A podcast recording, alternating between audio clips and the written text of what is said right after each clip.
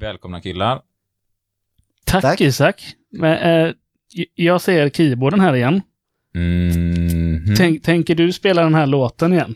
Mm, nej. Nej? Nej. Nej, vad bra. Bra. Nej. Nej. Nej.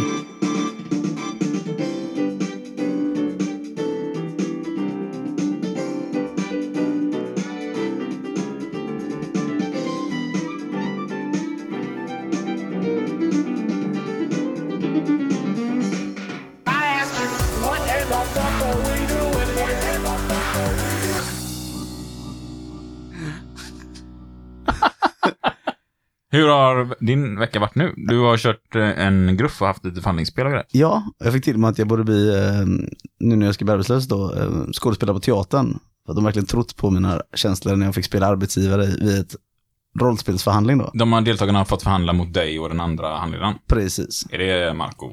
precis Marco ja. Så, Fick han höra att han var lika bra på teater? det vet jag inte. Nej.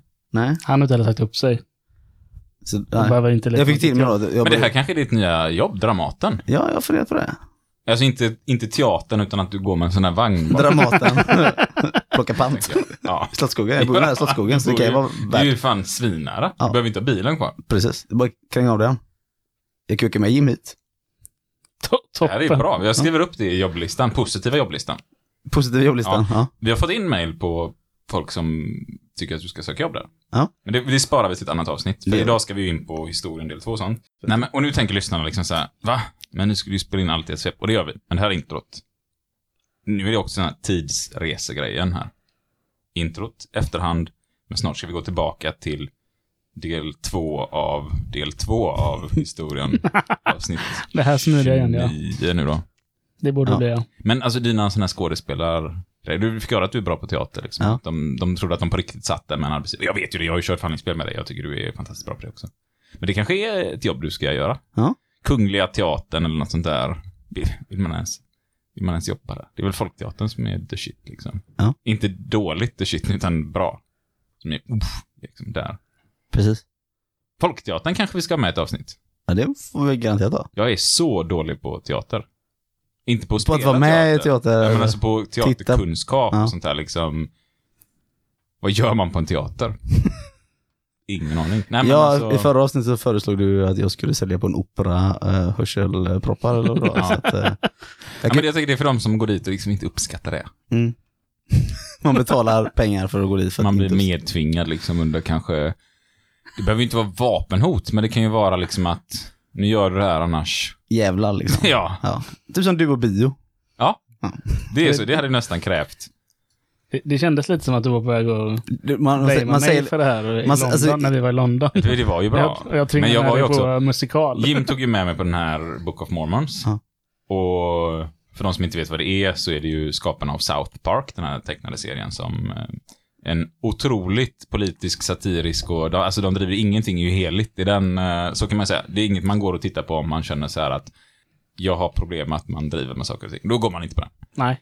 Eh, Men dit går vi och när vi sitter liksom i den här lobbyn så alla som är där på den här eh, Prince of Wales heter den här anrika teatern i London eller vad det nu är.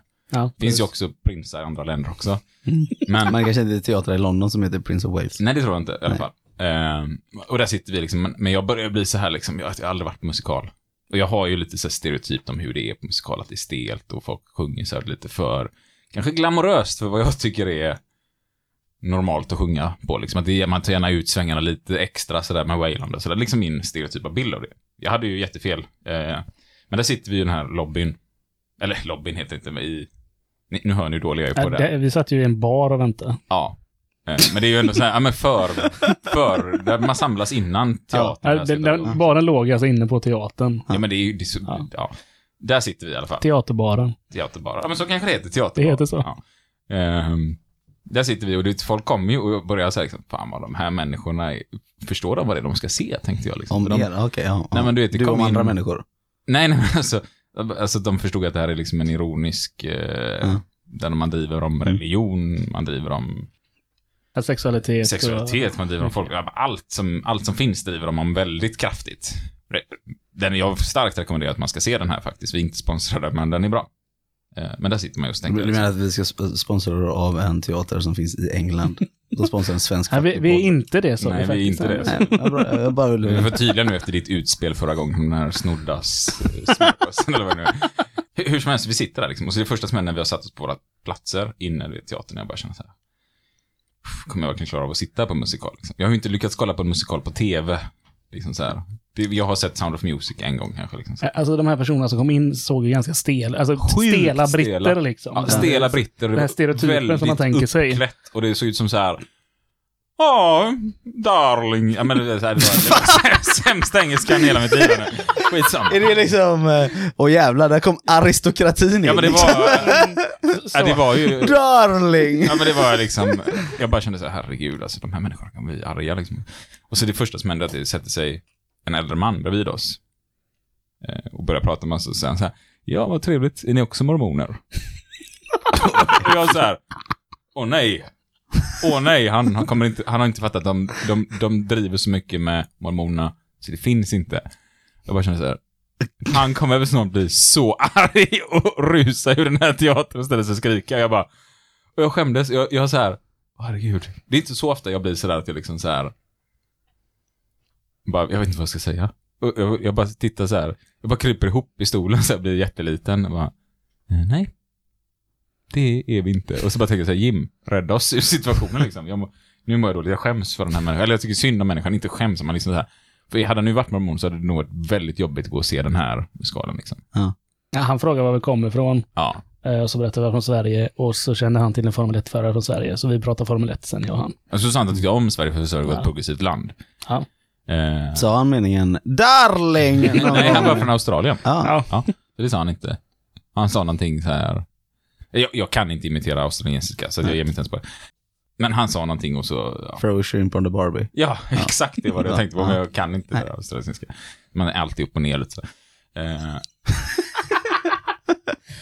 jag har ju sett Crocodile Dundee. Ja. Liksom, så jag kan Du vet att han inte bokstav... Jag kan ju ett och annat om det liksom. Nej, okej. Men, eh, men sen började han ju gapskratta, han var ju inte mormon. Han skojade ju bara, sen berättade han liksom. Ja, men jag, och då fortfarande satt jag där så här. Kände så här, fast han kanske är det. så här. Grejen var också att alla de där inne som vi trodde var så här tokstela satt ju och asgarvade Ja, under hela... Då får man se vilka egna tiden. stereotypiska Ja, bilder man har. Sådär, liksom. Men den här musikalen börjar i alla fall med sådär överdriven sång. Och då satt jag och kände så här. Även om de kommer skämta Jim, för de, det var lite skämt i första låten, men det var fortfarande så här verkligen musikal, musikal, så som min stereotypa bild av musikal. Mm. Och sen det så här, Jim. Jag vet inte vad jag mår mest dåligt över, att jag ska behöva sitta här i tre och en halv timme eller vad det var. Ja, något, något sånt. Eller att du har lagt 900 kronor på de här biljetterna. Jag vet inte vad jag ska må mest dåligt över just nu. Eller det faktum att jag tvingade med in på en bluesmusikers konsert. Mm. Eh, Och så skulle han Det borde du må mest dåligt över. Nej, men att jag liksom så här, jag är skyldig Jim att sitta här nu, även om det inte är bra. Och så så här, fast han uppskattade ju den här konserten tror jag liksom. Men, och jag satt och bara, jag började få magknip och bara, jag kan inte sitta och jag skäms liksom så här. Det, det, ja, det är för överdrivet. Men det var ju ett skämt att det skulle vara så överdrivet. Så sen blev den ju extremt rolig. Jag ångrar verkligen inte. Jag vill se den igen. Mm, jag kan också tänka mig att se den igen. Fantastiskt bra. Fantastiskt rolig. Mm. Eh, Men för dig som lyssnar de driver verkligen med allt. Så gå inte dit och tänk så här, Isak står bakom allt som sägs på den här eh, musikalen. Det är inte det jag sitter och säger. Nej, lätt som du vill gå och se den igen för att du står bakom den. Ska vi dra igång Alltså det med här blir avsnittet? alldeles för långt utdragning. Ja. Varför, varför lyssnar folk på den här podden? Det gör de inte längre. Nej. Det är, fan. Vi kör på. Ja, vi kör på. Nu är det tillbaka till där vi var förra veckan. Ja, tekniskt sett, är det avsnitt tre? Eller vad blir det nu? Det är avsnitt 29. Ja. Men Historia del två. Av Del. del två. Del, historia Det del. tredje historieavsnittet. Ja, det är det. Det är tredje historieavsnittet, men det är del Ja. två. Eh, och- Del två. Alltså är det här svårt att hålla koll på, vilket det är, så finns det en doktorsavhandling på Göteborgs universitet man kan ta del av för att förstå vilket avsnitt av vilken eh, det här är. Eller mejla fuckyoupodcast.gmail.com så svarar Isak vilket avsnitt det är. Ja, det kommer jag göra. Mm. Och som vanligt så tänker vi börja avsnittet med att tala om att eh, det har gått en vecka sedan sista avsnittet. Fast vi spelade in detta på en gång. Så för oss har det gått väldigt fort. Fast återigen, nu blir det så här, det har gått en vecka för oss sen sista avsnittet, men det har gått för Nej, dem nu är det två veckor. Nu är det lyssnarna det har gått en vecka för, så de har ju gjort hur mycket som helst och vi har inte gjort ett skit på den här tiden. Alltså vi bokstavligt talat, Förutom att spela in det här. Ja, men vi släpper ju varannat avsnitt nu. Jo, ja, men, alltså, det har gått två veckor. Ja, det är det jag menar. För oss har det gått en vecka, men för dem har det gått vad det är för två beslut vi tog veckor. där. Men det har varit en väldigt, Ja. eller är en väldigt stressig period för oss just nu. Men eh, nu har ni gjort hur mycket som helst och vi har inte gjort någonting. På en vecka har vi gjort saker. Det är tur att vi har spelat Jag har in. gjort massa saker på en vecka. Jo, men ja, nu, jo, Ja, nu, men- men inte på det. Vi, ska, vi, vi går tillbaka till det vi redan har spelat in. Vi ska fortsätta. Jag menar, här nu har vi gjort saker. Nu kör vi igång Men gubbar. Nu kör vi deltagarna igång. har, inte, har alltså, gjort det är saker tur, på två det är tur veckor. att vi... Men när vi går tillbaka så har vi inte gjort Sebastian, nu någonting. kör vi igång. Ja, men det, jag vill bara säga att det är tur att vi spelade in det här i förväg, för just nu är mitt självförtroende är på botten känns som just nu, med Ja. det här att vi inte har gjort något och alla Ja. andra har gjort hur mycket som helst. Och jag känner så här, vad, aha, vad är vi? Och det här, hela det här programmet om självkänsla, allt, glöm det liksom. Mm. Här finns ingen... Självkänsla Nej. kvar att hämta. Ja, nej, vi får hoppa in i avsnittet. Vi hoppar in. Och du pratar här om SAF, eh, Sebastian, alltså Svensk Arbetsgivarförening, som idag är Svenskt Näringsliv, som vi sagt tidigare i podden. Eh, De drog igång 1902 och de startade liksom som en reaktion och en motkraft då till LO eftersom de framförde kraven på allmän och lika rösträtt och liksom os, o- alltså, arrangerade strejker för det, politiska strejker.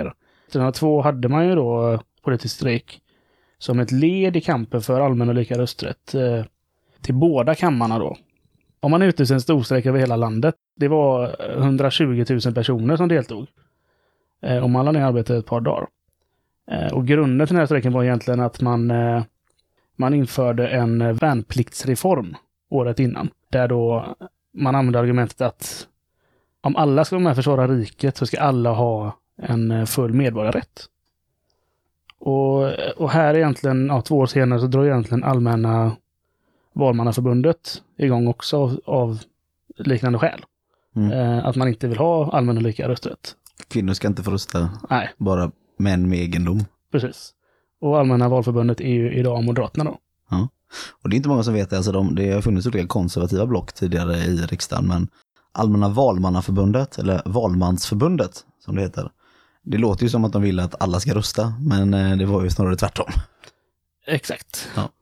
Den här strejken om eh, rätten till att få rösta, det kulminerade så att det var ganska många vilda konflikter som bröts ut på arbetsplatser om, om, om lika villkor. Och lite det som vi pratar om här, alltså svensk näringsliv bildades ju som motreaktion, eller svensk arbetsgivarförening som de hette på den här tiden, bildades som motreaktion till att LO hade bildats 1898. 98. Precis, tack för den. jag kände det bara, äh, där försvann det ju hjärnan på mig. Eh, och LO hade ju till uppgift att samordna fackföreningarna. Och då gjorde man ju likadant eh, i, med arbetsgivarna. För det var ju det här med exempel som Verkstadsföreningen och de heter ju Teknikföretagen idag. Och man var ju alltså egentligen en, lite, lite egna där en period. Man ville inte riktigt gå med på samma sätt i SAF, utan man var, man var kvar till 1917 egentligen som, som helt fristående. Men man, man förhandlade inte separat, men man var ändå en samordnande funktion. För det var ju lite splittrat även där i SAF hur man skulle leda och, och den här frågan. Och lite det som man pratar om där, separator, han eh, direktören som var där, han var ju faktiskt ordförande för Svenska Arbetsgivarförening eh, 1902. Man bildade det. 1905 så kan man säga att det finns en ganska mycket konflikter som egentligen bara uppstår inom verkstadsindustrierna. Och under drygt fyra månader lockoutas nästan alla utav förbundets medlemmar, 18 000 medlemmar för att vara specifik, från sina arbetsplatser. Och den här konflikten handlar om krav på minimilöner och kollektivavtal mellan järn och metallarbetarförbundet och Svensk verkstadsförening. Järn och metallarbetarförbundet är det som blev Metall, som i sin tur blev IF Metall när man slog ihop sig med industrifacket.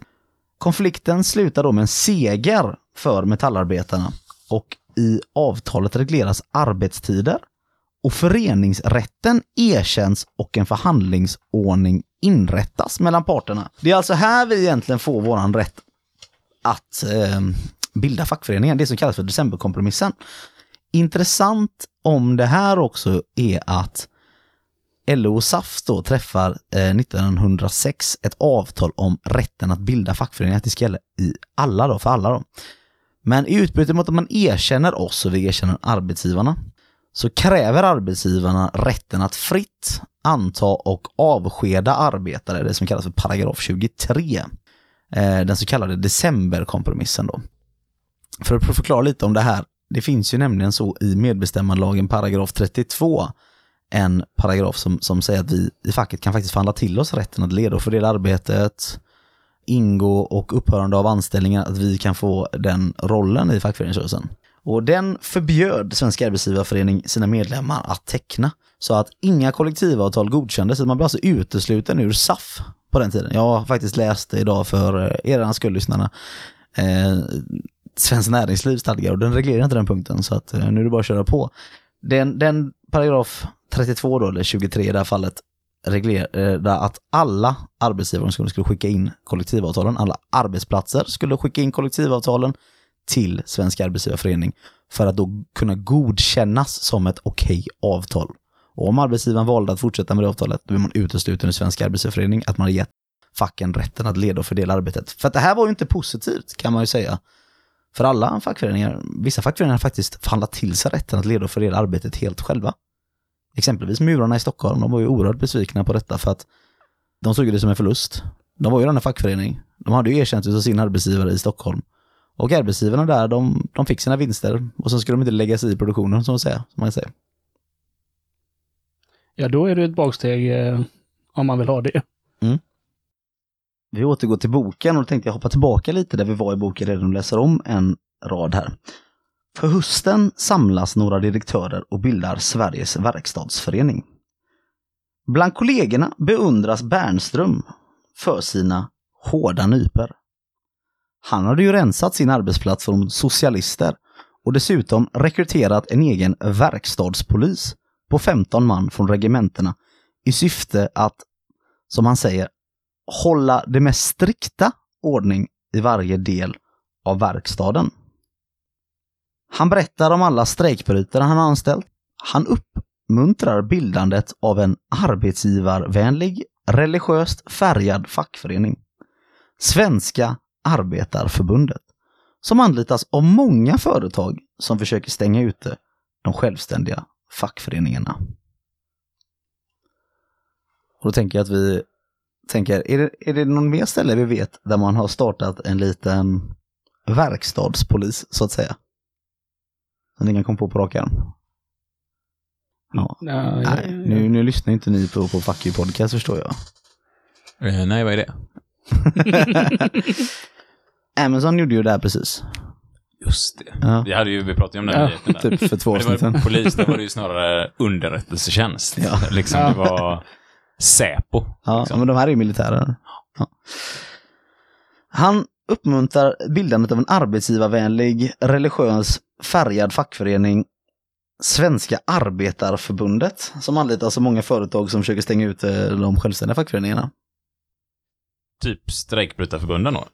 Ja, exempelvis. Alltså, det här är ju en arbetsgivarvänlig. Alltså, det, det, det beror på hur man ser det. Alltså, anser ni idag att vi är arbetsgivarfientliga i fackföreningarna?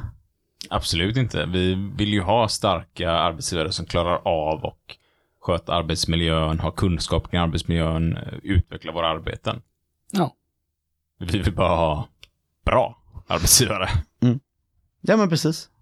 Och det, det, det är ju det, alltså det, det, det är ju en rädsla från arbetsgivarna när vi, när vi bildade de här fackföreningarna. Och, och varför är det det? Ja, men alltså ganska enkelt är det ju att vi blir väldigt starka när vi är organiserade tillsammans. Ja, Ja. Ni får sluta vi säga. håller med. Ja, men Du säger en självklarhet, jag vet inte vad jag ska svara riktigt. Absolut blir vi det. Han var nöjd med den du. Man uppmuntrar egentligen, konstigt nog från arbetsgivarna håll, att man bidrar till värre och värre konflikter. Man börjar sänka löner med den här nya eh, verkstadsföreningen. Och arbetarna tjänar någonstans mellan 11 och 37 öre i timmen. Så arbetsgivarna beslutar sig en slutdag eh, för att ta till strid emot facket en gång på, för alla. Och den ska utkämpas på lilla Vilans gjuteri och mekaniska verkstad i Kristianstad. Kristianstad. Så jag smurf igen nu eller? Nej, men nu sa vi inte detsamma. Nej, men då så. Jag tror Jim har glömt av lite reglerna för en smurf. Ja, han är fortfarande, han babblat mycket som Det var ju en sån här grej, om man sa någonting samtidigt, två personer, skulle den ena säga smurf och då, då skulle den andra, då fick man inte säga något mer. Och sa man något, då fick man en smäll på axeln. Men nu sa ju du Jim, så att då får ju han prata. Ja, så var det, just det. Ja, Om just det, tills man namn. säger ett namn. Det hade blivit en jäkla tråkig podd om han ska behöva sitta tyst också. Och sitta där liksom.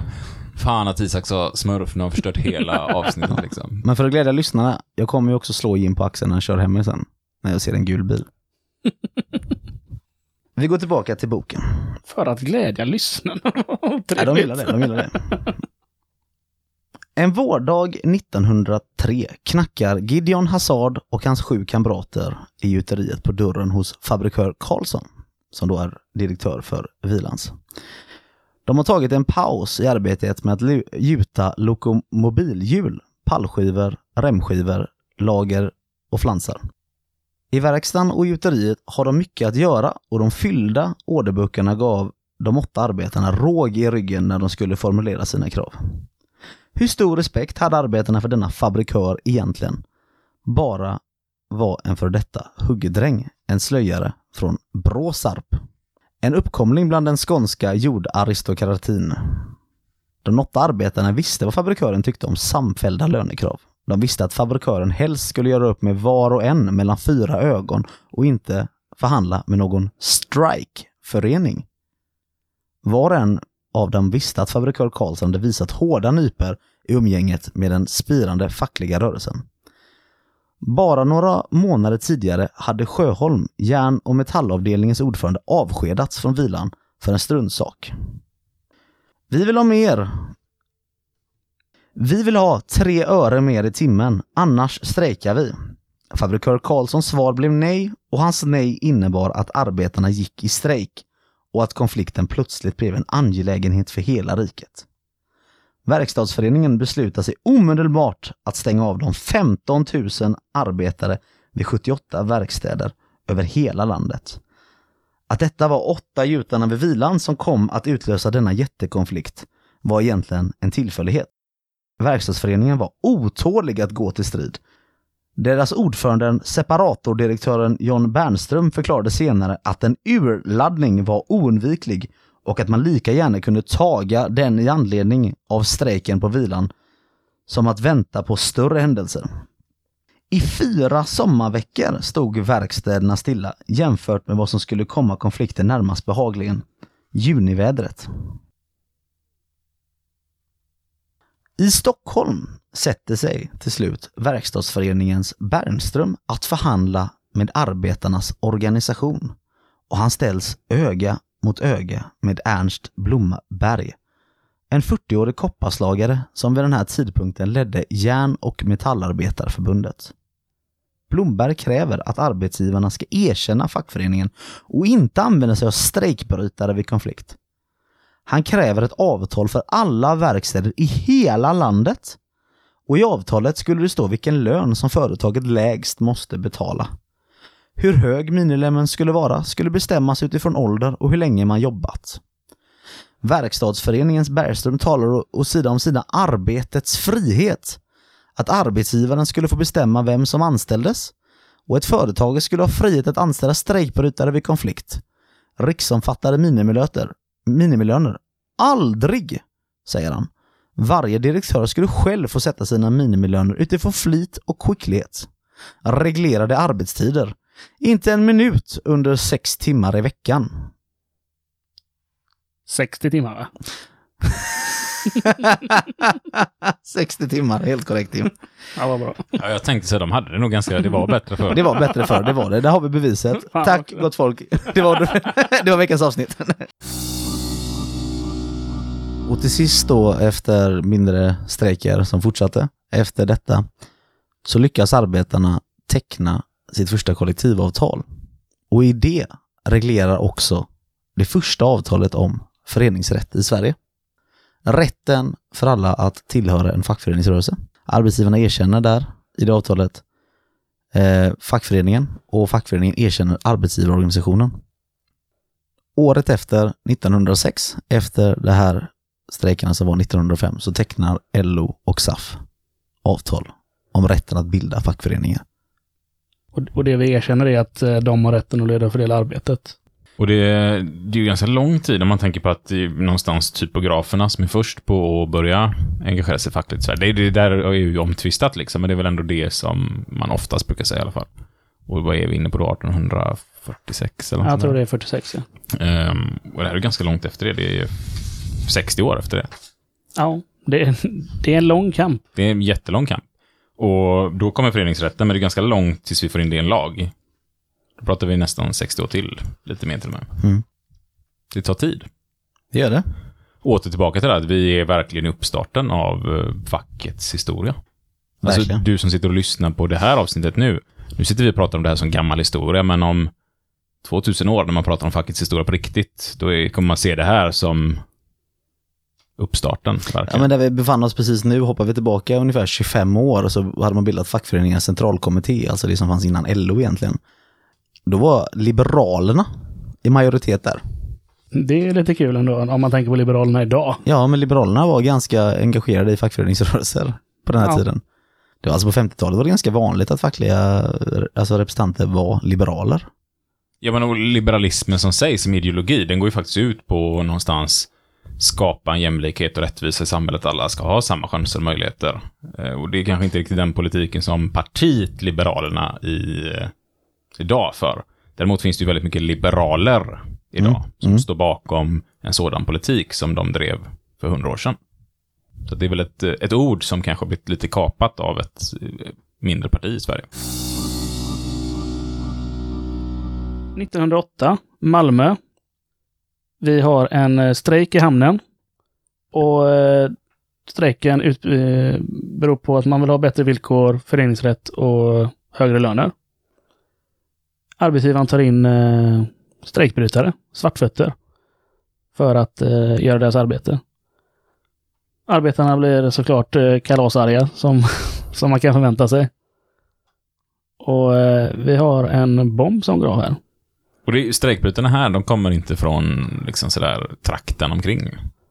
Nej, de är från England. De är inskeppade från England. Bomben är på båten Amalthea då. Var, vi var inne på det lite tror jag i något tidigare avsnitt. Ja, Bara nämnde det. jo men det har vi gjort och vi rekommenderar till och med att folk att lyssna på podden eh, i Peter Historia om Almatea-dådet. P3 Historia, Mm. Sveriges Radio. Mm. Och avsnittet hette Almatea-dådet. Det som sker efter det här bombdådet, det är att några arbetare ute, i en båt kastar på en bomb och sprängs där dör en engelsk arbetare. Det som sker här är att fackföreningen blir oerhört besviken för kungen går och besöker de andra skadade arbets, eh, arbetarna från England. Och fackföreningspersonerna då i, eh, i Malmö blir oerhört upprörda. Varför står inte kungen bakom sitt eget folk? Varför väljer han att stå bakom de här svenska eller engelska strejkbrytarna? Och det här leder ju då vidare egentligen efter flertalet strejker till Till storstrejken. Där man drar igång. Eh, ja, drar igång, men ja, man, man kör eh, sin strejk. Eh, man har väldigt små strejkkassor. Och facket var efter eh, någon månad tvungen att eh, successivt dra ner på strejkens omfattning då. Något som ledde till alltså massiva avhopp eh, utav medlemmar i LO. Eh, man förlorade nästan hälften av sina medlemmar och några gick ju då med i den nybildade SAC, alltså syndikalistisk eh, fackförening. De skulle jag vilja bjuda in till podden någon gång så man kan höra lite eh, om syndikalisternas bild på fackföreningar och hur man organiserar sig. Det tycker jag var spännande, för jag kan oerhört lite om syndikalister. Det hade varit jätteintressant alltså. Jag vet att vi har mm, jättemånga syndikalister som lyssnar på podden. Mm. Så ni kan väl skicka ett mejl in till oss om vilka tycker ni vi ska prata med inom syndikalisterna, som kan måla upp en bra bild av eh, syndikalisterna. Det låter skitbra. Jag fortsätter. Alltså dessa då menade ledningen i LO hade skött strejken halvhjärtat och enbart eh, inlett den för att eh, stävja medlemmarnas mer radikala eh, hållning. Alltså SAC menade att LO liksom ville stävja det då. Arbetsgivarna tog, tog även chansen att göra sig av med cirka 20 000 arbetare, vilket även bidrog till det massiva avhoppet från LO, då arbetarna var tvungna att gå ur facket för att få tillbaka sitt jobb eh, under den pågående konflikten. Och idag när man hör det, det låter ju helt jävla horribelt liksom. Alltså, hur arbetsgivarna kunde stå så. Men ändå så ser vi det, vi har delat i podden här häromdagarna om den jättestora klädeskedjan eh, med en väldigt rik ägare som har försökt att kartlägga vilka som är medlemmar i facket och inte nu när eh, Handels var på väg ut i strejker. Och även alltså utvandringen eh, som, från Sverige då ökade som en följd av strejken. Eh, totalt eh, varade strejken i nästan tre månader. Väldigt lång period. Det är det. Eh, och nu sa vi inte många det men det är 300 000 människor ute i strejk. Eller del, de flesta är lockoutade till och med. Ja. Lite intressant med det, det kallas ju storstrejken, men det är ju ändå så inte den största strejken vi har haft i svensk historia. I Nej. förlorade timmar. Vilken är det då? Eh, ja, tack för Det att skulle du satte inte mig fråga på nu, kanske. pottkanten så. Jag skulle vilja säga vad jag känner till nu, återigen. Det kan säkert finnas någon mycket större strejk. Varning för källkritik. Ja. Tror det var metallstrejken 1945. Det är metallstrejken 1945. Det är metallstrejken 1945. Ja, det är det. Motsvarande var det en miljon förlorade arbetstimmar eller det var. ja. Den pågår, gick över ett år. Så det är väldigt konstigt vi kallar det metallstrejken 45. Han har både hetat 45, 46. Ja, men det var ju fler personer ute i storstrejken, men eh, de förlorade timmarna blev ju desto värre då, eh, metallstrejken. Och nu blir det 1-0 till Sverige, Sverige-Frankrike här. Ja. Jaha, därför jag Eh. drog igång en dans här Sebbe, det såg inte jag. Här sitter vi och spelar in podd. Eh, Så opatriotiskt det bara kan bli. Nej, det, det tycker jag absolut inte. Vi lär ut om svensk nu? historia. Ska vi, har vi på matchen i bakgrunden eller? Ja, för du har varit... Eh, du... Är det det du har gjort hela tiden? Ja, det är det Nej, du det har jag faktiskt inte gjort. Jag fick, nej, nej. Viktor Claesson gjorde mål. Mm. härligt. Nu vill vi återigen prata om gamla sportresultat i en podd som släpps en vecka efteråt. Eh, Kul, vi, kul, får, och, vi kör på där kul för de som inte kollar på matchen och inte har brytt sig. vi får, Kan du sluta visa vad det blir så man kan kolla på matchen sen i play efteråt? Jättetacksamt. Tack. Det är fyra minuter in i matchen så jag känner inte att du har... Nej. Mm. Nu vaknar den jävla flugan till Flugan det också. Vi, vi tar en paus och så blir det en liten jingel och så är vi igång snart igen. Det blir bra. Ja, eh, 1910, bara hoppa ett år in. De första socialdemokraterna kommer in i första kammaren.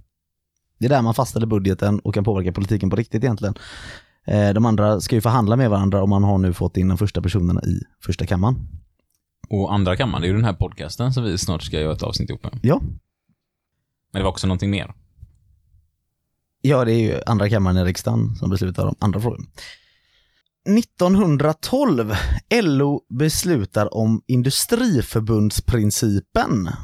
Det är den som kanske, vad jag upplever lite så, det här, det här får ni rätta om jag har fel, men jag upplever inte att så många andra länder jobbar på det här sättet, att man jobbar med industriförbundsprincipen. Det är därför man är, exempelvis om man har en elektriker inne på sin arbetsplats, om man jobbar på en fabrik, inte att elektriker ska vara med i eh, elektrikerna, utan den ska vara med i då, det fackförbundet som har de flesta medlemmarna där.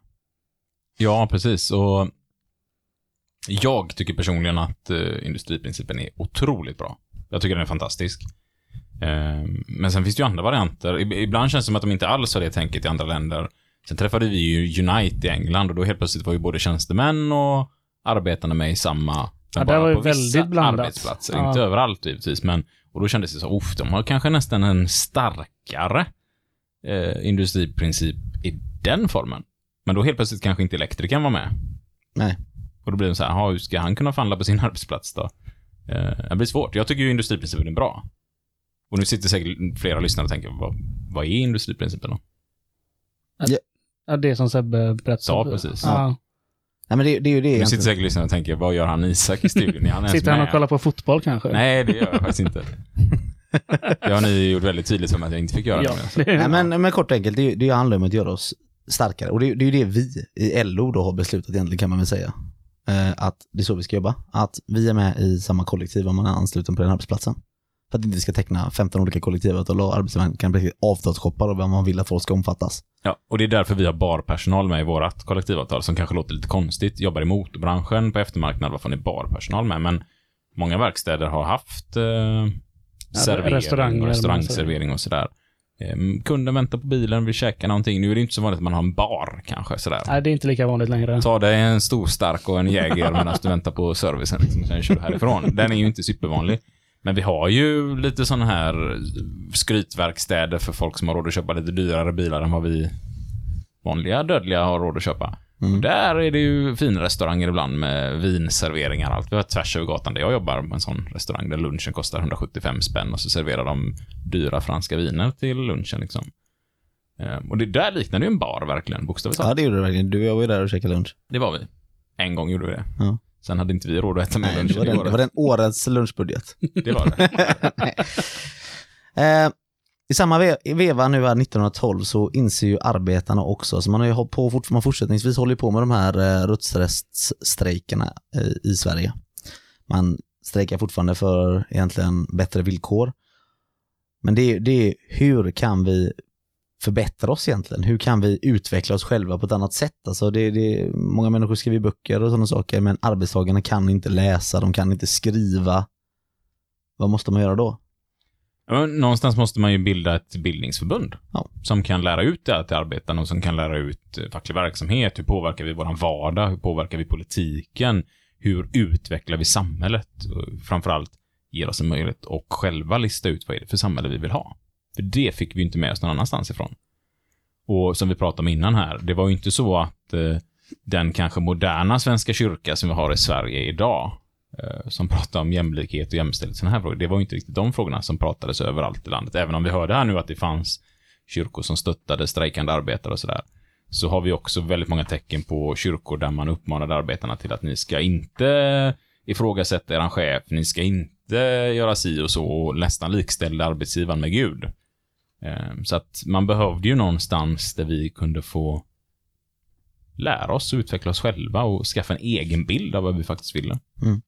Så det arbetarna gör är att de bildar ABF som står för just Arbetarnas bildningsförbund 1912.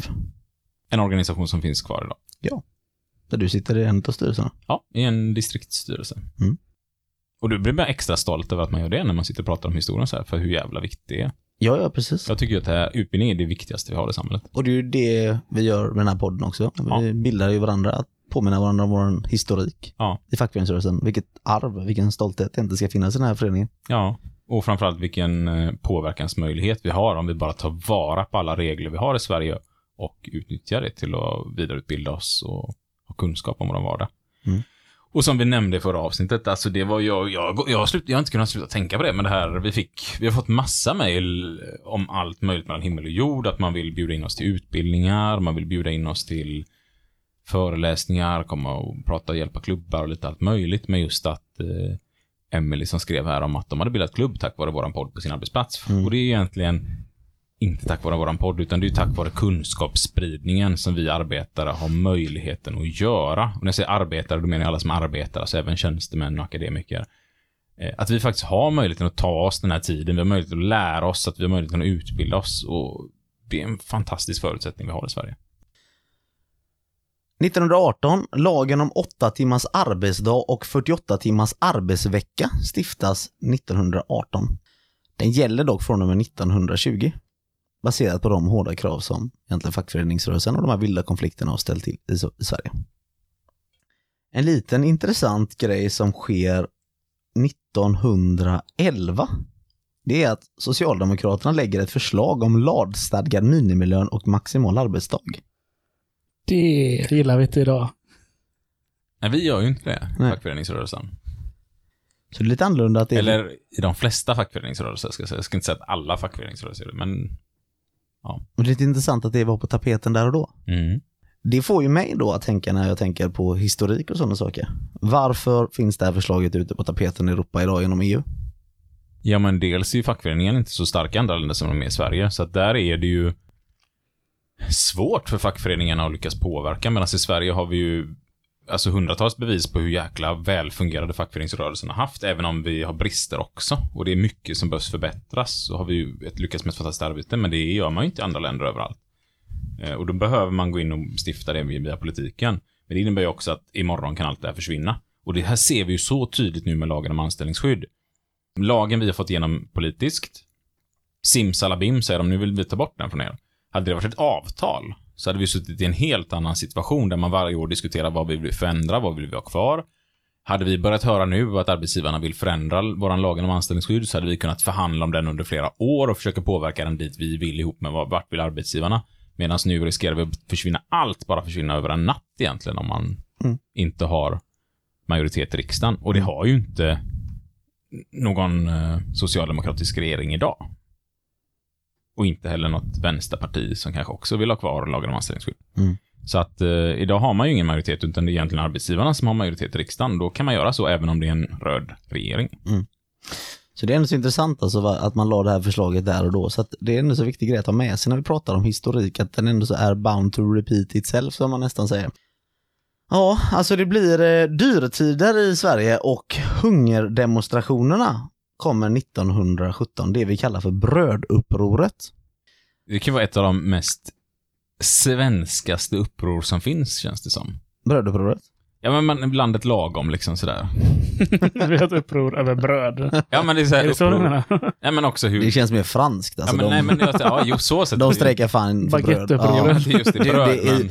I Frankrike har de lagstadgade lagar från franska, efterdyningarna av franska revolutionen som gör att man alltid kan köpa billigt eh, kyckling och bröd i Paris. Är det så? Ja. Parentes. Parentes. Det var, Ja, Mm. det var häftigt. en bra parentes. Eh, Nej, men jag tänker just på det här med brödupproret, att eh, ni ska givetvis få berätta vad brödupproret är. Vi kanske ska börja där. Det låter bra. Ja, nej men brödupproret var egentligen att eh, det, det finns en hungersnöd i Sverige. Det är ju första världskriget, kör ju ganska på. Och de här handlarna och, och företagen kommer på att det är bättre att sälja spannmål och sånt utomlands än att producera det i Sverige och sälja för att man kan sälja det dyrare. Eh, det kommer viss ransonering i samhället, att man får inte köpa för mycket. Och eh, ja, man kan gå ner till bageriet och säga jag ska ha bröd och så säger de det är slut, men du är precis öppnat. Ja, men eh, det är slut, säger de. För de vet att de kan få mer pengar på svarta marknaden för brödet än att sälja det i butiken. Det här leder ju till att eh, arbetarna går och tvångsköper mat, som det kallas. De går in i butikerna, de tar två limpor bröd och de lägger vad brödet kostar liksom på kassan och så går de ut i butiken. Det här leder ju till att polisen kallas ut, eller länsman på den tiden, och, och, men de var ju lika hungriga de med, så de, de ställer sig nästan bakom ledet oftast. Men militären kallas in för att till slut skjuta arbetarna och eh, motarbeta de här strejkerna. Eh, en av de större strejkerna och demonstrationerna som är, är ju i vår vackra stad Göteborg. Men även uppe i Stockholm. Och där är man ju så livrädd att det ska ske en revolution. För att i samma veva i Ryssland så börjar ju också revolutionen där. Så det här skedde lite var som runt om i Europa 1917 just. Revolutioner utav det här slaget. Man vill få in demokrati. Det finns ett allmänt missnöje. Det är ett krig i Europa och man är hungrig. Och villkoren är ganska usla. Och nu, det är det här jag menar med att det känns så svenskt. För nu kommer det här med, med stor risk för att det kommer låta som att jag förminskar hela brödupproret nu. Men just det här liksom att i Frankrike var det liksom så här, störta de rika, vad ska vi göra med dem? Giljotin, halshuggning liksom. Eh, Vi har revolutionen i Ryssland och så kommer svenskarna liksom, vad ska vi göra? Nej, vi går in och hämtar lite bröd och så lägger vi de pengarna det faktiskt skulle ha kostat om inte kapitalet blåste oss.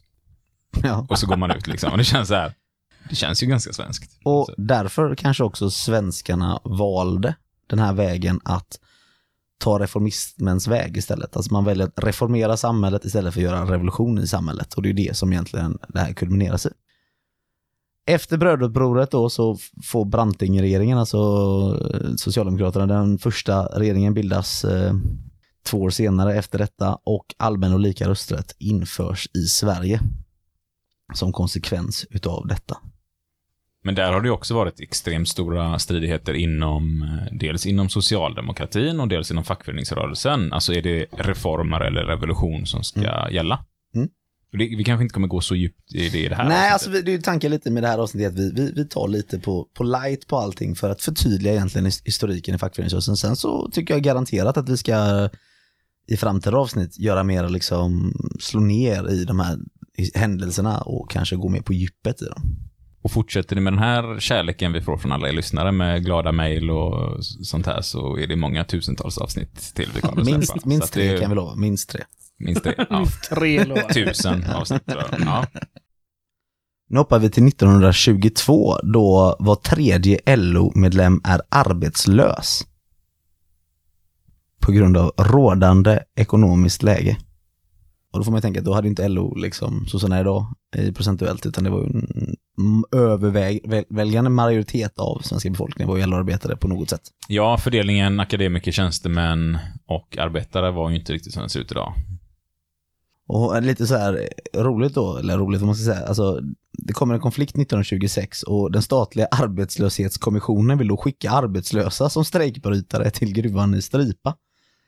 Och stänger samtidigt av de strejkande arbetarna från arbetslöshetsunderstöd, alltså a-kassa. Så att regeringen måste avgå.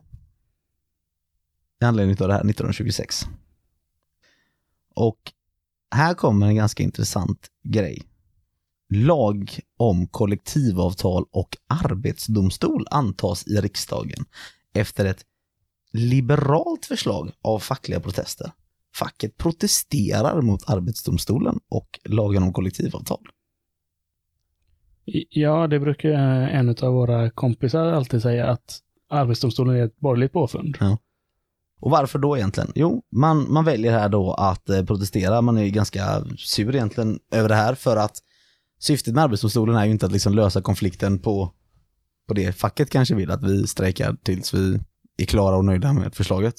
Utan här är att, ja men då kan ju arbetsgivaren ta facket till eh, domstol och säga att men du har ett kollektivavtal, då kan du inte hävda att du har rätten, du, du är att omfattas av fredsplikt som man säger, så du har inte rätten att strejka. Och då avbryts den strejken där och då. Ska vi hälsa till Christian också? Jag vill hälsa till Christian. Du vet som du är. 1930, LO passerar 500 000 medlemmar. Man går upp igen efter det här stora tappet som hade varit 29 år senare. Om vi går tillbaka till det här, det brödupproret lite. Jag kan inte riktigt släppa det. Är du väl, verkligen fast i det? eller? Ja, vad är era här, så här favoritbröd liksom? Våra favoritbröd? Ja, ja visst. Det, är så här, det här brödet kan jag inte leva utan. Snoddas. Ska jag göra reklam nu? Nej, eller? men du, får ju, du kan ju förklara. Det finns ju liksom en, en sötlimpa är det då? en sötlimpa. Allmän sötlimpa. Ja. Ja, typ snoddas. Jag, Vad är, är, det, är det en produkt liksom? Det, gör du reklam för Nej, något? men- Nej, Har du spons som du inte har talat om att du sitter och gör reklam för? Jag måste säga snoddas en gång varje avsnitt. Okej, ja, jag är ju för fan arbetslös snart. ja. Det är okej då. Vad fan ska jag göra killar? Ehm, lite så här, innan, tills dess att ni hör att Sebastian fått ett nytt jobb, så var lite vaksam för om han har fått eh, produktplaceringspengar. Vi har ingen insyn i Sebastians ekonomi mer än att, eh, ja. Jag uppenbarligen har jag ju råd att säga upp mig under rådande omständigheter. ja, ja. vi får ta ett snack med Annika tror jag. Mm. Men du samåkte dit i alla fall, så att det är, Ja. allt för bra kan det inte gå. Även om det kanske okej då. Eh, och Im då en eh, sötlimpa. Det, det får ju bli svaret här då. Mm. Jag begriper inte riktigt vad en sötlimpa är, men det är alltså en ett, sötlimpa då helt enkelt. Du går in i mataffären, du kommer till bröd, då ser du de som ligger där. Ja, Färdiga. Inte som ligger i påsar, utan Nej. du får ta brödet, lägga i en påse. Det är det Jim Ja, syftar jag, på, brukar, eller? inte- jag brukar inte lägga den i påsen, jag brukar stoppa det är in det den i, inte. i jackan. och så smyger jag ut, men jag lägger alltid 22 kronor eh, Vad det kan kosta. vad det kan kosta. Eh. Men det är jag. Mm, nej, men då vet jag. Jag gillar sådana här eh, norrländska ljusa små runda bröd, tycker jag är väldigt goda i alla fall. Mm. Vet ni lyssnare det? Det kan vara intressant att veta liksom, om ni någon gång ska bjuda oss på en smörgås. Eller? Det är väl inte helt Ja, det- orimligt att några av lyssnarna kommer bjuda oss på en smörgås? Mm. Nej, det är möjligt att någon gör det, Ja, men... nej. eh, Släpper det här segmentet då. Men det var segmentet Vilket bröd gillar vi? Mm. Som också kommer vara nu med i varje avsnitt. varje avsnitt! Nu handlar ju inte riktigt brödupproret om att folk inte fick eh, den rätta frukostmackan och man gick in och köpte utan en anledning. Det var ju faktiskt Det var lite allvarligare. Ja, och folk ja. dog och sånt. Så att, eh, too soon. Ja, det är inte första gången vi gör en sån. Vi hoppar vidare. Eh, 1932 så kraschar hela eh, Krügerkoncernen och det leder till en svår arbetslöshet och en egentligen börskrasch i Sverige. På tal om börskrasch. Mm. Tänk på han fotbollsspelaren i Sirius är det va? Han Tor. Ebba Busch Tors eh, man. X. Jag har X. Men vilken tur att inte han hette Krasch efternamn. För han hette Ebba Busch Krasch. det är ju för henne. Det hade varit ett dåligt namn att ha i liksom... Ruskigt dåligt namn också. som Ja. politiker. Men tur. Ibland har man tur i livet. Ja, nej men 1933 så är det en stor byggarbetarkonflikt som sker och eh, den är förorsakad på grund av eh, lönesänkningar som arbetsgivaren eh, infört. Och konflikten varar i nästan ett år. Och ja, den konflikten tar slut och eh, man 1936 lyckas i lagen få igenom den fackliga förening och förhandlingsrätten 1936 i lagen. Då. Och nu kör vi ju lite ändå snabbt genom historien, men Mm. alltså tänk ett helt år vilken process detta var och hur mycket folk kämpade och vad tufft det måste ha varit ändå. För det här var ju inget man gjorde för skojs skull. Och det sker ganska mycket saker här på 30-talet. Alltså 34 kommer arbetslöshetsförsäkring, en förbättrad arbetsförmedling, eh, bättre folkpensioner. 35 kommer mödra och barnavård. Eh, lag om folkpension kommer där. Kvinnor och män jämställs. Enligt lag. På vilket sätt då? Bara allmänt? Liksom. ja. Det känns som att den har inte riktigt fått sitt fulla genomslag än, kan man ju säga. Nej, verkligen. Men Första- då skapar man i alla fall en vision om det inför den lagen om att nu ska det vara jämställt. Precis. Ja. Inga skillnader mellan könen. Och eh, första maj blir helgdag. Och sen så bryter eh, andra världskriget ut 1939. LO passerar en miljon medlemmar 1942. Och det här gör man ju i Sverige för att vi är ju ett av få länder som inte har blivit drabbade på det sättet att vi är i krig under andra världskriget. Vilket gör att det finns en enorm tillväxt och eh, arbeten i Sverige och all arbetskraft behövs. Man måste sälja allt möjligt till Europa som är i behov av det. Och 1945 så tar ju andra världskriget slut. Och då träffar LO och eh, Svenska Arbetsgivareföreningen ett avtal om företagsnämnder. Och det är väl en liten förbilaga till medbestämmandelagen. Jag tror du skulle säga och Hitler flyr till Argentina. Men det är en helt annan podd än, än våran. Eh, 1945 så upphäver man statarsystemet. Att eh, statarna har i Sverige kunnat vara anställda utan lön. De har fått betalt i mat och bostad istället eh, och nu får man lön istället. Vilket gör att man upphäver egentligen hela det systemet. Att det finns inget behov i Sverige längre av att använda statare. Eh, en enorm seger egentligen för jämlikhet skulle jag säga. Och eh, lika löner börjar ju tas vidare från. Att arbetsgivaren inte ska betala det i lön.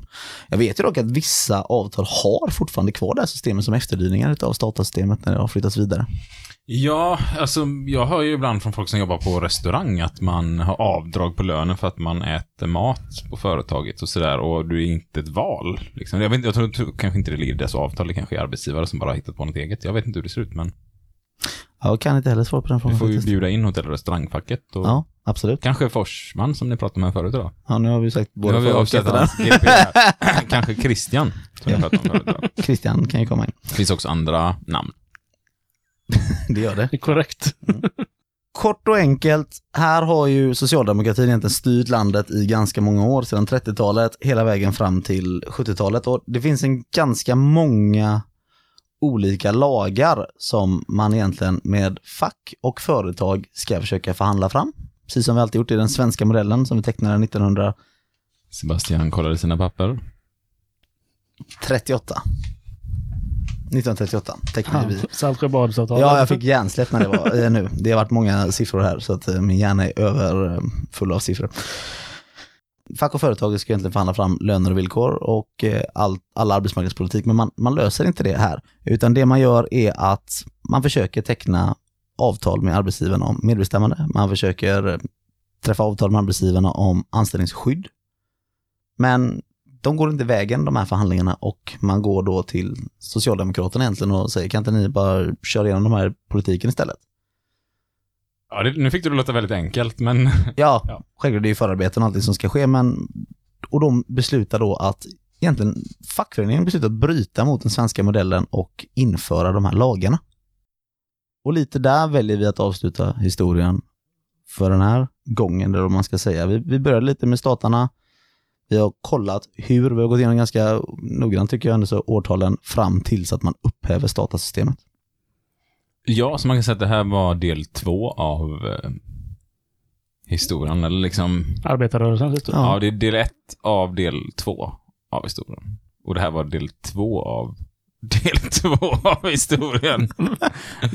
Du underlättar inte nu kände jag. Nej, Nej. jag känner att de, min pedagogiska förmåga just nu är... Nej. eh, Nu tar vi en paus för ett tag framöver och pratar historia i alla fall. Ja. Så kan vi väl säga. Ja, okej.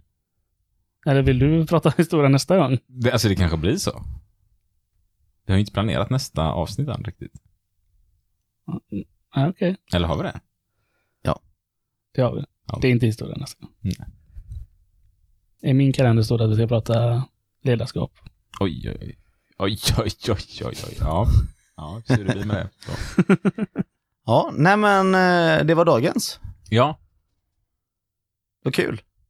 Ja, alltså det, jag tycker det har varit lärorikt, för jag är inte superinsatt i allt det historiska. Så att eh, jag har lärt mig en hel del idag. Och nu har man ju lite mer argument när man pratar, alltså det är därför vi i fackföreningsrörelsen ibland kan prata om vissa saker baserat på historiken, hur det blir när vi inte har reglerat vissa saker. Mm. Vi har faciten här på hand. Vad tar vi med oss från det här avsnittet mer då? Ja, det får- Jävlas inte med arbetarrörelsen.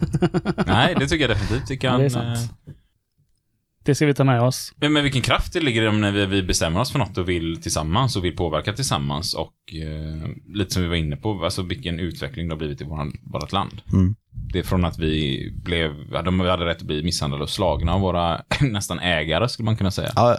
Och det är en ganska kort tid, det är ju ett historiskt perspektiv det här. Vi pratar 150 år tillbaka i tiden.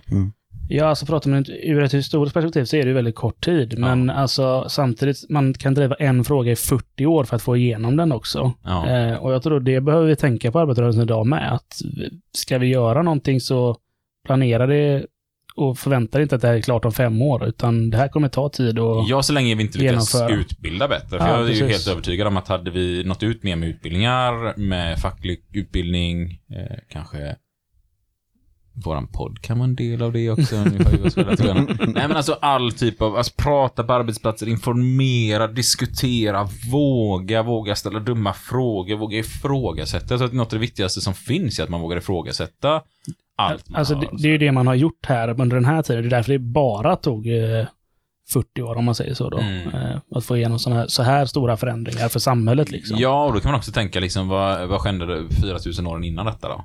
Mm. Inte så mycket när det kommer till arbetsrätt. Så det har ändå gått ganska fort. Ja, ja absolut, absolut. Men det här är samhällsförändringar som man ska göra. Ja. Och, och nu är vi, som vi pratade förut om, på en global, global nivå liksom. Vi ska förändra hela världen egentligen om vi vill kunna förändra, göra stora förändringar i Sverige också. Mm. Mm. Eh, Men jag tror definitivt att vi behöver prata mer filosofi ute på arbetsplatserna, lite som vi pratade om när vi var med på A-radion. Mm. Alltså, diskutera i lunchrummet, diskutera i fikarummet. Liksom, hur mycket tycker jag att min chef är värd mer än mig? Mm. Eller min aktieägare. Hur mycket mer tycker jag att min aktieägares tid är värd än min egna tid? Mm. Hur mycket ska kompetensen vara värd som man påstår att vissa människor har och vissa inte har? Eh, Och vad är kompetens? Ja. Vad är viktigast? Är en hjärtläkare som har pluggat i... Jag vet inte hur länge man pluggar för att bli hjärtläkare, men Många år. Ja, mer än vad jag har pluggat antagligen. eh, nej, men vi säger kanske sju år eller något sånt där. Eh, ska den här hjärtläkarens kompetens värderas sämre än någon som har gått en onlinekurs i att handla aktier och med lite flyt och lite stort kapital från början kan tjäna på att leva på att köpa och sälja aktier? Mm. Eller ska olika kompetens vara olika värt? Alltså vad tycker man som människa? Men man får tänka på det lite att alltså hela fackföreningen och, och den socialistiska arbetarrörelsen egentligen eh, ledord har egentligen aldrig varit att "Ja, jag ska fixa allting för dig inom tre år. Utan det har alltid varit att dina barn ska få det bättre än vad du har det idag. Och det är på det sättet man har organiserat upp. Dina barn ska kunna läsa. Ja. Dina barn ska få gå i skolan. Dina barn behöver inte arbeta i fabriken. Mm. Dina barn ska kunna ha mat på bordet.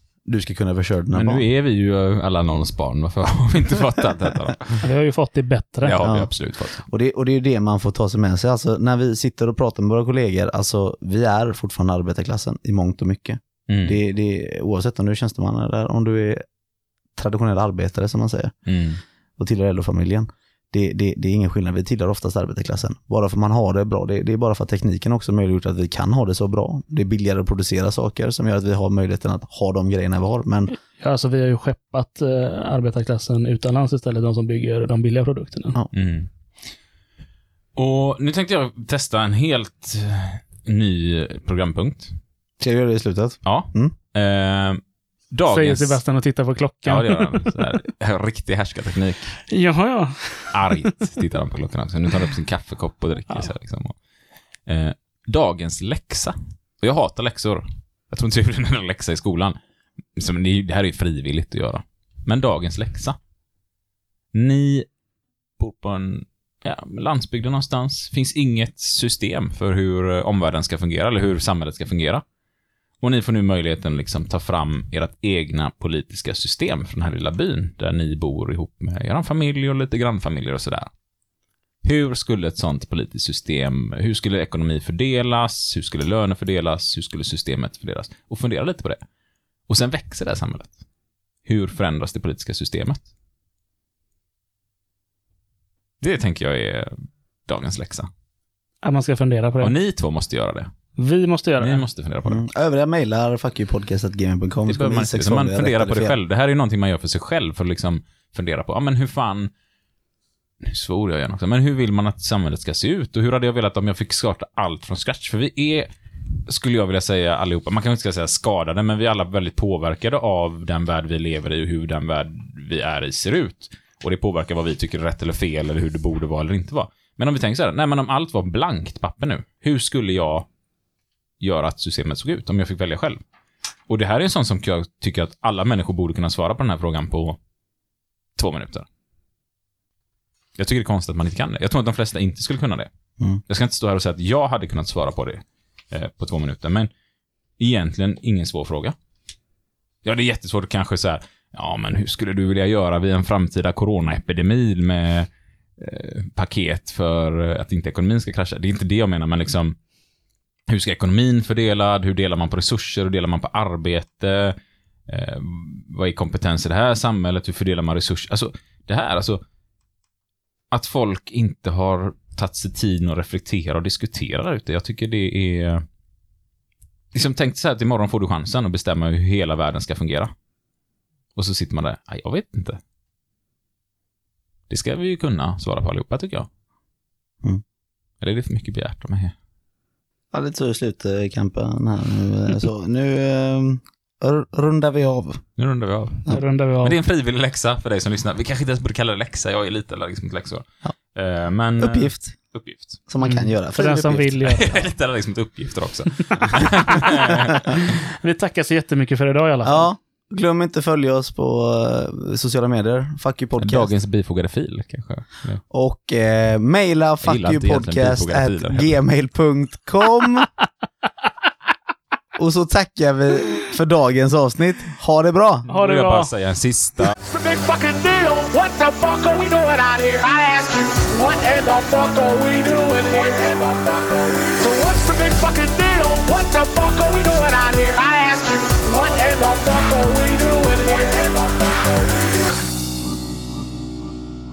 Jo, det jag tänkte säga var det.